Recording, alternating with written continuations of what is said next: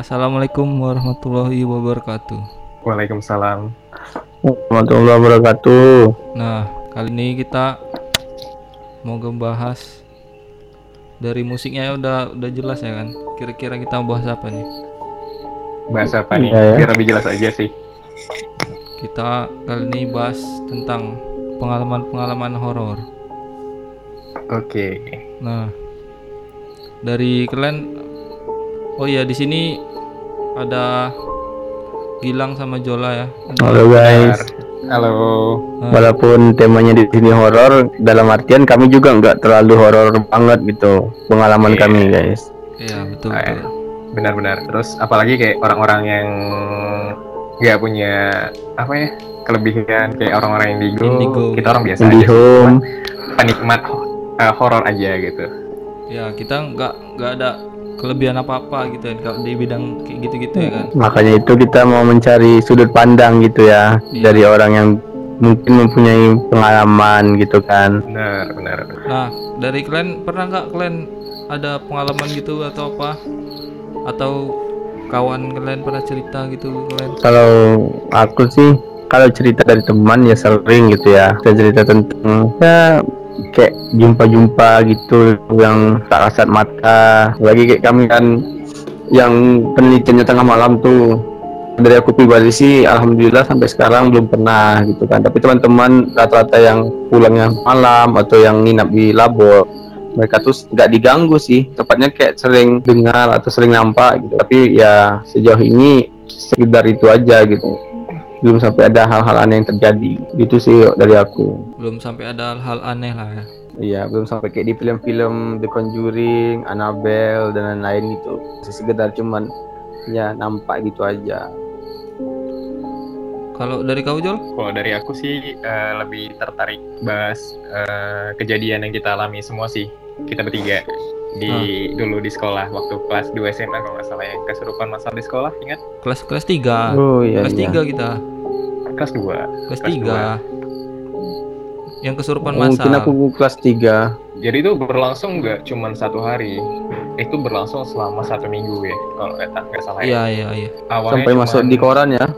satu TV. orang dua orang gitu lama-lama makin banyak makin banyak dan ternyata penyebabnya tuh penghuni di situ tuh marah gara-gara tingkah laku kami itu yang kayak lewat batas gitu Kayak apalagi yang cewek-cewek nih menantang gitu lah ya. kalau Hmm. misalnya mereka eh, buang hajat atau sesuatu gitu ya apalagi yang kalau lagi mens gitu kan pakai pembalut tuh Hmm, mereka buangnya di apa sembarangan gitu. di sembarangan tempat gitu aja heeh. dan itu membuat penghuni situ murka dan jadilah eh, kesurupan massal di sekolah itu gitu. Yang paling horor sih pas kita lagi upacara, Upacara, gitu ya. kan. lagi upacara tiba-tiba dari sudut ke sudut ujung itu nyebar gitu langsung cepat gitu. Ke- berapa orang langsung kena gitu. Wah horor banget gila. Langsung dievakuasi itu satu sekolahan. Langsung Dan dibubarin gitu ya jam, kan. itu kejadiannya in- intens gitu. Terus menerus sampai sekolah dibubarin Nah, dan lu waktu itu kena enggak? Aku aku Ya. nggak kena malahan aku yang tukang ngangkatin kan jadi kemarin tuh pas ada kan yang yang ada yang kesurupan gitu kan ku bawa ke Hmm. UKS kan pas di UKS Ya. dia diem aja ya aku Di bilang situ lah situ lu di situ kau sebagai itu ya, sebagai ketua PMR ya. iya terus kan Jadi memang tugas untuk membantu ngangkat-angkat ya. ya pas dia kayak gitu kan Kalau pas di Hmm. UKS itu dia diem aja ku tengok ilah kan ngapain kau nengok-nengok Hmm. bilang kau macam hantu rupanya tiba udah yang lain masuk kan yang agak rame Hmm. jadi masuk baru dia menjerit-menjerit aku tuh kejut juga lah ya kan Hmm, kayak kayak magnet kayak- berarti ya. rupanya aku cerita sama hantu berarti dari tadi dan lu Patut. nggak sadar. Aku nggak sadar. Patut dia diem ya aku cuman- "Eh, udah Dia makan cuma belum? natap lu kosong atau gimana? Atau Iya, nengok kosong gitu aja aku kira kan mungkin karena dia lagi lemah sakit gitu kan. Cuma rupanya kau kasih teh manis, biasanya kan Iya, obat udah. dari segala obat tuh teh manis. ku, ku tanya juga kan udah makan belum? Heeh. udah mau minum. Diem aja. Nggak lama barulah masuk yang ini kan kayak orang-orang kawan-kawannya gitu nengoki Masuk kloter kedua ya. guru-guru masuk. Rupanya kesurupan dia habis itu menjerit-menjerit masuk orang. Aku tuh kejut wih cakap mas setan kan tadi. Di sensor ya? Nggak bisa nggak bisa itu Back Kim gitu. Mbak Kim gitu ya? Kayak nama orang Korea. Ya kita nomor Korea. Nah, Dan terus, dan guys, kalau di- aku kalau aku sih penasaran kau Jol pas saat eh, kejadian seperti itu lu kena nggak? Eh, itu dia yang mau aku bahas ini. Hmm. dan kebetulan anehnya gitu ya. Satu sekolahan itu yang kena itu semua cewek. Cowoknya jarang jarang banget. Ada pun cuma satu dua orang yang itu kelakuannya itu beda gitu. Ya agak apa ya melambai gitu lah ya. Siapa? Contohnya. ada kayak aku contoh tahu ada ya. kakak kelas yang nggak? Bisa aku sebutin di sini gitu Hmm. itu kena satu. Kau mau bilang Terus ini Reno apa cemana nih? siapa gitu kayak kena juga. Bilangi Reno kau. Mungkin karena memang penghuni ini marahnya sama cewek gitu cowok nggak masalah. Kayak gitu Padahal sih, dari ya lebih bejat lagi cowok daripada ceweknya sih menurut gue. Bener, bener, Tapi nggak- nggak gitu juga, itu kelakuan Jol. teman-teman sekolahan gue yang satu stambuk itu lebih parah gitu bisa jadi sih, tapi itu jadi kenangan aja sih sama kita gitu kan bisa Iya, jadi karena benar-benar. kebanyakan cewek karena orang tuh lebih gampang dimasuki Jol ya maybe karena cowok ini kan kadang Dan lu, Jol, bandal-bandal dia Dan lu Jol sebagai di situ nggak salah lu anak rohis ya. eh ya Iya kan? bisa, bisa dibilang gitu Ah, ada nggak upaya lu untuk merupiah teman-teman yang kena? wah pada saat itu gue masih tahap belajar bro kayak sampai di situ Masih newbie ya? gue newbie gitu lah. nah. Jadi ya gue cuma mengamati apa yang dilakukan tim para guru apa yang dilakukan tim PMR gitu. Gue cuma mengamati dan menyelamati diri gue gitu. Mengamati dan mengupdate enggak ya? nah itu. Enggak aku enggak update. Oh, enggak itu. Ya. cuma disimpan sebagai cerita pribadi aja sih. Itu ya jadi pas udah kejadian itu kan udah berapa hari itu malamnya itulah disuruh Pak Edi kan seluruh ketua organisasi datang malamnya itu jadi kami ya kayak ngaji gitu di lapangan basket gitu. Sama juru kuncinya lah. Sur- juru kunci SMA 2 lah bapaknya Bang Danang tuh kan. Udah suruh suruh ngaji lah itu situ kan. Nah, Oh habis berarti itu ngaji tuh setelah Iya. dua hari atau tiga harinya ya? iya dua dua kali dua dua kali. Hmm. dua hari Jam? ya jam malam lah pokoknya lupa aku jam berapa. Disuruh datang malam. Ibaratkan aja lah sisa ya. ah bisa lah mungkin. Malam itulah dua hari berturut-turut udah baru seninnya udah Terus ada ada- lagi aman Hmm. senin depannya Ada halannya nggak selama kalian ngaji dua hari itu? kalau hal aneh kalau aku sih nggak ada karena aku kan nggak bisa ini juga kan ya bapaknya bang Danang lah yang bisa ini kan paham Hmm, kalau Ya. da- dari yang lain-lain ada nggak yang bilang oh iya ada atau gimana gitu? ya kalau aku sendiri aku nggak tahu Dari- yang lain aku juga lupa kan karena udah lama kali udah 8 tahun berapa tahun juga lima tahunan lupa juga aku Oh iya ya. Nah, ini ada juga nih cerita dari kawan-kawanku. Jadi kan oh boleh boleh sebelumnya Hmm, udah dari siapa nih udah aku tanya kan, udah aku Hmm. share lah. Kawanku ada juga nih cerita nih, ini ku cerita ya. Ini satu nih dari Dan ini teman lu nih dari satu sekolah atau dari mana nih bang? dari beda-beda nih teman kuliah, teman main-main, teman teman Oh. dekat juga ada. Nih ku cerita ya. Ini dari yang agak horor sampai yang paling horor nih ku ceritai.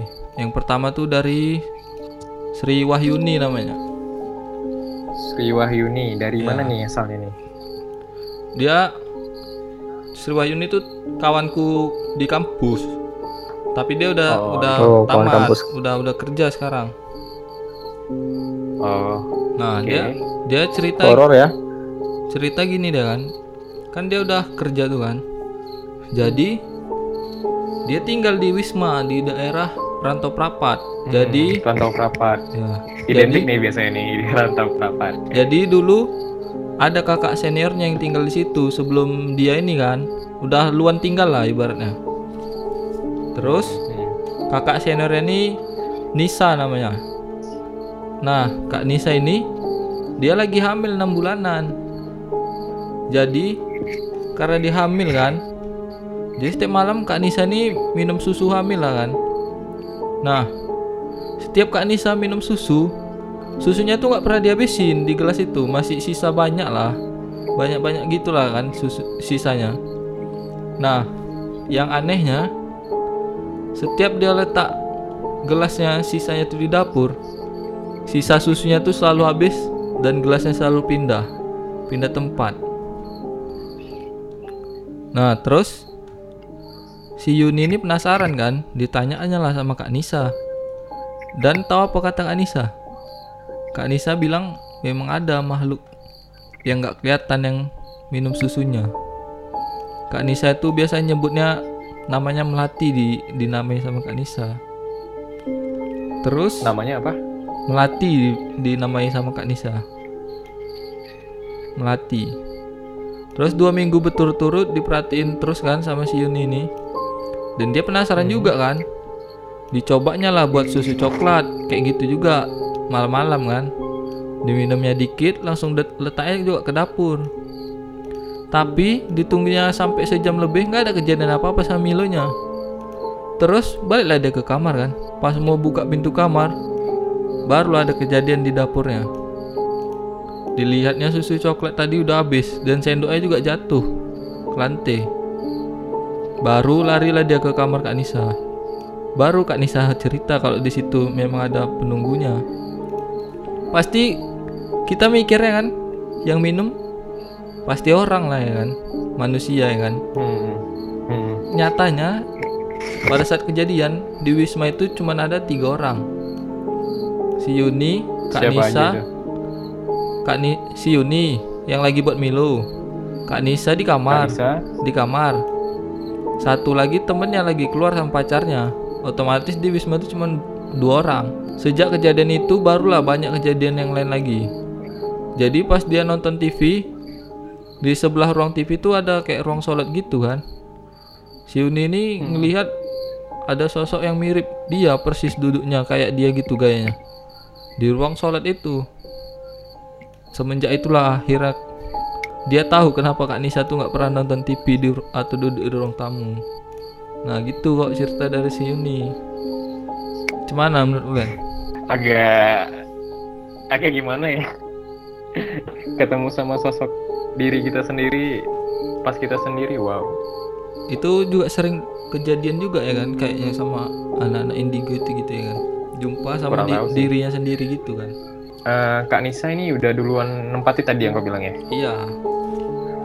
Udah luan kerja Oh. situ lah gitu. Seniornya. terus terus Yu- si Yun ini tetap stay di situ atau pilih tempat lain Iya tetap di situ katanya.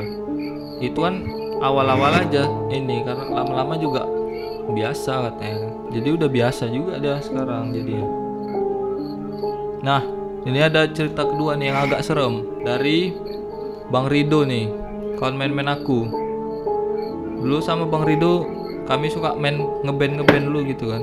Nah dari cerita Bang Rido nih tiga tahun lalu tuh waktu keponakannya masih umur 2 tahun keponakannya keponakan dia itu sakit demam. Ya kayak anak kecil pada umumnya lah kalau lagi sakit kan pasti rewel. Nggak mau makan suka nangis kapan aja setelah tiga hari demamnya udah turun karena sejak hari pertama demam itu langsung dibawa ke dokter. Dan dokter juga bilang kalau dia cuma demam biasa. Bukan demam yang berbahaya lah. Cuma sekedar kalau kata orang tua lu mau pintarnya itu gitu lah kalau kata orang tua dulu kan. Tapi memasuki hari keempat nih kan ya anak mulai bertambah rewel ya padahal waktu demam selama tiga hari itu dia nggak gitu rewel kan paling kalau malam aja rewel. Nah semenjak hari keempat itu dia sering nangis mulai dari siang sore malam. Dan seringnya ngajak keluar rumah nggak betah di rumah. Setelah diajak keluar rumah barulah dia mulai tenang udah nggak nangis lagi. Jadi pas suatu malam tuh kira-kira jam 2 pagi Bang Rido nih merasa haus kan? Haus mau minum sebelum ngambil minum ke toilet. Biasanya dia ke toilet dulu kan sekalian buang air kecil. Walau ruangan tengah walau ruangan tengah rumah gelap dia Bang Rido ini tidak menghidupkan lampu saat itu. Karena memang dia biasanya memang kalau bangun tengah malam nggak pernah hidupi lampu tengah gitulah kan. Langsung ke toilet dia langsung ke dapur kan. Jadi toiletnya ini di dapur. Jadi semula dia biasa aja kan nggak ada perasaan takut atau perasaan lain. Saat itu keponakannya juga baru tidur sejak jam 12 malam itu keponakannya masih rewel. Dia baru tidur keponakannya itu jam 1 malam. Dia juga baru terlap sekitar jam segitu kan Bang Rido. Jadi setelah setelah dari toilet itu dia minum lah kan minum air baru kembali ke kamar. Dari ruangan yang remang itu baru udah dilihatnya sedikit yang mengganggu kan ya. Dia melihat tepat di depan kamar kakaknya depan pintu ada bayangan hitam yang tidak terlalu tinggi. Tingginya sekitar satu meter lebih sedikit katanya. Sebelumnya dia pernah juga melihat-melihat yang kayak gitu tapi tingginya berkali-kali lipat dari yang dilihat malam itu. Ini kayak anaknya gitu lah kecil kan. Jadi dia pikir kalau itu cuma bayangan yang terpantul dari jendela kan. Karena memang kamar itu tepat di depan jendela yang menuju teras rumah. Terus lampu teras memang nggak pernah dimatiin pun kalau malam katanya kan. Dia perlahan dia menuju ke kamarnya. Dia dia coba nggak pedulikan itu lah, tapi karena di pikirannya itu cuma pantulan dari cahaya dari luar kan. Jadi kamar dan kamar dia dan kamar kakaknya itu sebelahan. Jadi keponakannya itu adalah anak dari kakaknya, masih umur 2 tahun tidurnya juga masih sama sama mamanya terus saat dia mendekat ke kamarnya tiba-tiba bayangan tadi perlahan wujud. Dan saat dia melihatnya bayangan tadi melihat ke arah ke arah Bang Rido. Bayangan tadi membentuk seperti manusia yang tingginya satu meter lebih. Matanya merah badannya hitam dan dipenuhi dengan bulu. Bang Rido ini enggak tidak terlalu memperhatikan wajahnya tapi ingat makhluk itu mempunyai gigi taring yang tidak terlalu panjang seperti gigi taring harimau lah kira-kira katanya. Badannya nggak terlalu tinggi tapi kurus dan sepertinya dia tahu. Bang Rido melihat ke arah melihat ke arahnya. Tapi Bang Rido ini coba tetap tenang dan tidak panik. Soalnya bukan sekali itu juga dia melihat kayak gitu katanya. Jadi Bang Rido ini nggak bisa tidur lah malam itu. Esokan paginya keponakannya udah nggak rewel dan mulai ceria main seperti biasanya lah. Tapi menjelang ajan asar kembalilah anak itu rewel yang teringat kejadian. Dia teringat kejadian yang tadi malam sebelumnya mengaitkan dengan gangguan mistis bukan medis. Jadi Bang Ridho ini cerita ke ibu dan kakaknya tapi ibu dan kakaknya nggak percaya. Jadi badan keponakannya sore itu panas lagi walaupun nggak seperti sebelumnya ibu dan kakaknya kembali membawanya ke dokter. Tetap saja dokter itu bilang demam biasa. Malam harinya, ponakannya tetap rewel. Dan kakek saya yang saat ini sudah almarhum menyarankan saya untuk membawanya ke orang pintar atau ustad. Kakak saya sempat menolak dengan berbagai alasan kalau ini memang demam-demam biasa lah. Lalu menjelang tengah malam, saya yang masih terjaga lah di lap, depan laptopnya mendengar orang nangis, tapi keponakannya tuh udah tidur. Waktu udah menunjukkan pukul 2 dini hari. Dia masih sibuk dengan tugas kuliahnya. Pintu kamarnya dibiarkan terbuka sedikit agar udara segar masuk. Sementara dari kamarnya bisa melihat langsung ruang tengah. Saat itu ruang tengah sedang gelap-gelapnya. Kebetulan ayahnya saat itu yang saat ini juga sudah almarhum tidur di kamar Bang Rido nih, tidur sama. Ayahnya memang suka tidur di kamarnya, sementara ibunya tidur di kamar kakak. Karena keponakan saya minta tidur situ katanya. Tak lama berserang dari ekor matanya saya seperti melihat gerakan orang lari atau melayang itu. Semula nganggap hanya halusinasi kan? Tapi berkali-kali saya melihat sekilas. Saya yang penasaran keluar kamar melihat siapa tahu kucing atau apa. Ternyata depan depan kamar kakaknya makhluk yang dilihatnya sebelumnya itu masih berdiri di sana tapi posisinya kali ini ingin masuk ke kamar kakaknya itu. Pintu kamar saya itu sengaja dibuka lebar, namun saat saya memergoki makhluk itu tiba-tiba hilang. Tapi saya melihat makhluk lain lagi, yaitu tepat di samping kasur kakaknya, yaitu nenek-nenek dengan tubuh yang membungkuk memperhatikan ke arah kasur. Entah dia melihat kakak saya atau keponakan saya, dan tak lama setelah itu keponakannya kembali terbangun dan mulai rewel lagi karena saat itu dia udah sedikit berbicara dan hanya minta untuk pindah ke rumah nenek saya ya rumah neneknya itu depan rumahnya juga satu pekarangan. Singkat cerita jam 3 pagi keponakannya dibawa jalan-jalan oleh om tante saya di mobil. Di mobil dia tenang gitu, bisa tahu ketawa-ketawa. Jadi orang yang di rumah itu sepakat untuk manggil orang pintar. Dah, setelah itu memang betul dugaannya ada sosok gundurwo sama nenek-nenek itu. Nah, nenek itu sebenarnya positif katanya. Positif. Positif Ininya, apa nih? auranya gitu positif lah apanya Oh, auranya positif ya. ya cuma genderuwo itu yang negatif tapi karena karena dia positif jadi dia dipulangkan ke tempat pertama kali dia ngikuti bocah itu ternyata makhluk-makhluk itu berasal dari jembatan yang beberapa minggu lalu dilewati orang itu gitulah ceritanya dari bang Rido tuh Oke, ini ada cerita ketiga nih dari anonim. Kita nggak, mungkin dia nggak mau disebutin namanya. Eh, kenapa nih? Iya. Kira-kira. sebenarnya dia tuh teman dekat aku juga Oh, teman dekat. Heeh. cuman nggak tahu kenapa dia nggak mau Cewek? di cewek Cewek atau cowok? cewek Oh, cewek. Oke. Jadi lebih jelas gitu kan. Iya. Sudut pandangnya siapa gitu. Kalau misalnya kalian tahu juga jangan kalian sebutin namanya soalnya udah janji juga aku. Oke, siap. Jadi dia Kita sebut aja. rumahnya itu di daerah di daerah Diski rumahnya.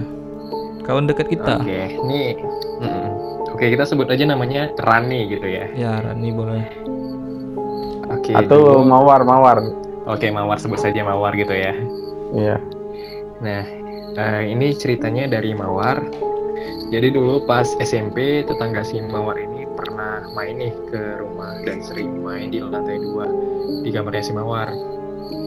Jadi pas maghrib tiba-tiba tiba-tiba dia minta pulang gitu.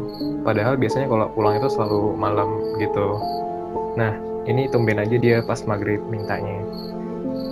Terus si Mawar nih tanya, eh kenapa lo cepet pulang gitu kan? Terus temannya bilang, nggak apa-apa mau pulang aja. Dia nggak sebutin tuh kenapa.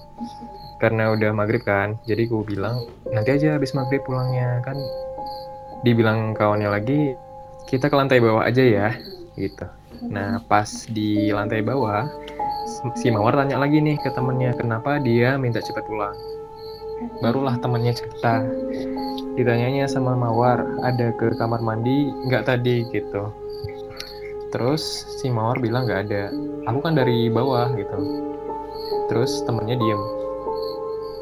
Kenapa diem? Katanya si Mawar. Terus temennya bilang ada perempuan pakai baju pengantin yang panjangnya sampai nyeret gitu bajunya kayak ya wedding dress pada umumnya lah gitu kan. Terus masuk ke kamar mandi. Terus si temennya pikir itu dia si Mawar gitu. Terus sampai sekarang dia nggak pernah mau lagi ke lantai dua rumah si Mawar lagi gitu. Terus kejadiannya nggak cuman sampai situ sih. Si Mawar juga pernah lupa pastinya kapan. Kayaknya nggak lama ini sih. Terus waktu itu mati lampu lagi kondisi mati lampu. Nah di bawah tangga di bawah tangga rumah si Mawar ini ada kursi ruang tamu gitu kan yang sofa gitu lah ya itu ada banyak kursinya sofa gitulah. Nah mamanya si Mawar gitu meletakkan lilin gitu di tangga.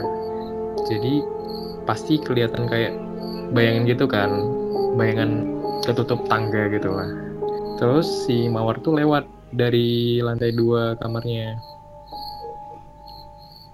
Dia ngelihat di kursi bawah tangga itu ada satu keluarga lagi duduk di situ tapi mukanya lagi berdarah semuanya. Berdarah semuanya. Tapi mereka nggak ganggu cuma duduk situ aja kayak mematung gitu. Dan itu kelihatan jelas banget. Terus kejadian lain lagi dulu pas si mawar tidur di kamar atas di lantai dua setiap jam satu dini hari ke atas itu pasti ada suara gamelan dari belakang rumahnya itu. Padahal di belakang rumahnya itu cuman pohon gede, gak ada rumah. Udah gitu ada yang ketuk-ketuk jendela kamarnya gitu dan sampai sekarang itu nggak tahu siapa. Nah dari cerita si Mawar itu aku udah dapet nih ini siapa. Aku udah tahu nih ini siapa. Dan Iya. aku juga pernah nih Nggak boleh ke rumahnya ya aku nggak sebutin dia siapa aku pernah nih ke rumahnya aku ya terus di lantai dua memang suasananya mencekam sih dan kayak ada feeling gak enak gitu Aku juga pernah sih ke sana, Iya kan? tapi karena aku Iya terlalu nggak ngerasa kali gitu jadi karena apalagi rame juga kan. Jadi aku biasa aja rasanya. yang kemarin kita bilang apa bilang di kamar mandi ada sesuatu tuh relate gak sih Itu kan Andre denger pakai musik kan. oh gitu ya Si Andre. Tapi aku Oke, yang paling serem yang sekeluarga itu loh. Iya sih kayak if you can imagine uh, skin scene-nya dari Insidious maybe pas lagi di dalam apa di dalam apa namanya tuh Dalam apa? project astralnya gitu pas di dunia project Oh, astralnya tuh Iya. tau nggak sih yang kayak di suatu ruang tamu gitu ada orang yang mematung gitu dan lu di situ ngelihat kondisinya wah it's very shock me gitu. Gila ya kan. Itu aku yang paling serem itu menurutmu. Menurutku.